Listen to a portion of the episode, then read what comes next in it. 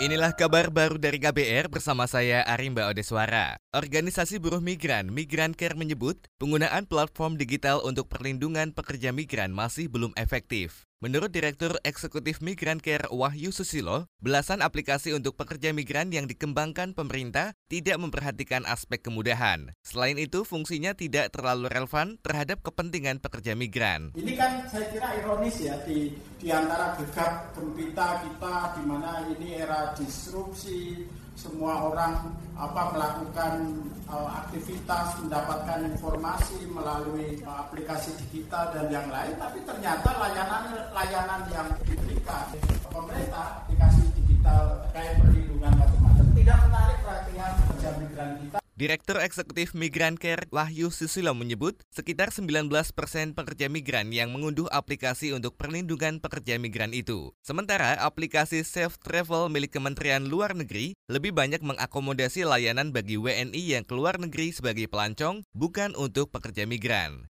Sementara itu, saudara, tahanan politik Papua Isai Wenda memutus kuasa terhadap tim penasihat hukum enam aktivis Papua pada dirinya. Hal tersebut diungkapkan Isai saat sidang Pengadilan Negeri Jakarta Pusat kemarin. Kuasa hukum aktivis Papua, Matthew Michel Lenggu, menduga Isai diiming-imingi terkait perkara makar ini. Apalagi tidak ada komunikasi dan koordinasi terhadap pemutusan kuasa itu sebelumnya. Itu juga mendadak, kami juga kaget gitu ya. Asalnya kita juga nggak tahu kenapa. Kita juga baru tahu hari ini, karena tadi pas waktu kita ketahanan itu juga nggak disampaikan sih. Ya kita nggak tahu lah apa yang terjadi, apa yang terjadi dalam sana, apakah dia diiming-imingi oleh oknum-oknum tertentu supaya udahlah jangan pakai kuasa hukum, supaya nanti hukuman kamu lebih rendah atau kamu nanti bisa bebas gitu. Bisa aja karena ada janji seperti itu gitu kan. Kuasa hukum Tapol Papua, Matthew Michel Lenggu berharap Isai Wenda mendapatkan akses dan pelayanan hukum yang baik. Matthew enggan mengomentari apakah keputusan Isai itu akan mempengaruhi persidangan makar lima tahanan politik Papua. Saat sidang, Isai Wenda mengatakan ingin memisahkan diri dengan lima tahanan politik Papua lainnya. Isai mengatakan telah mendapatkan kuasa hukum baru dari pos bantuan hukum.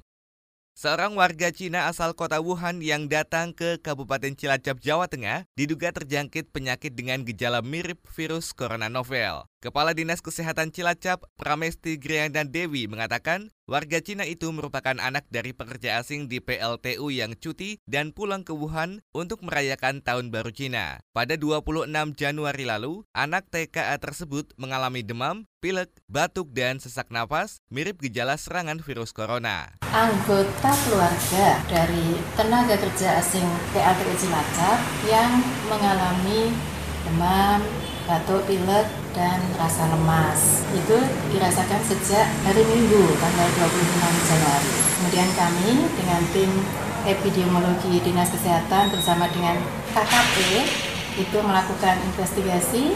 Kemudian kami dapatkan hasil bahwa pada tanggal 28 Desember 2019 ada tenaga kerja asing di PLTU Cilacap yang cuti ke Wuhan. Kepala Dinas Kesehatan Cilacap, Pramesti Griana Dewi, saat ini belum bisa memastikan apakah warga Cina itu terjangkit virus corona. Kesimpulan terjangkit diperoleh setelah dilakukan pengecekan laboratorium dan serangkaian observasi oleh tim di RSUD Margono Cilacap. Saat ini, warga Cina itu diisolasi di RSUD Margono Cilacap.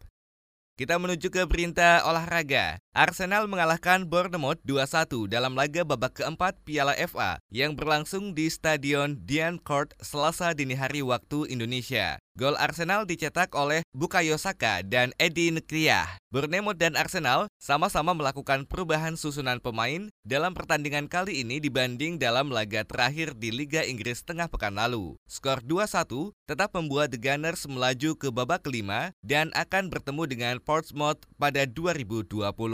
Demikian kabar baru dari KBR, saya Arimba Odeswara.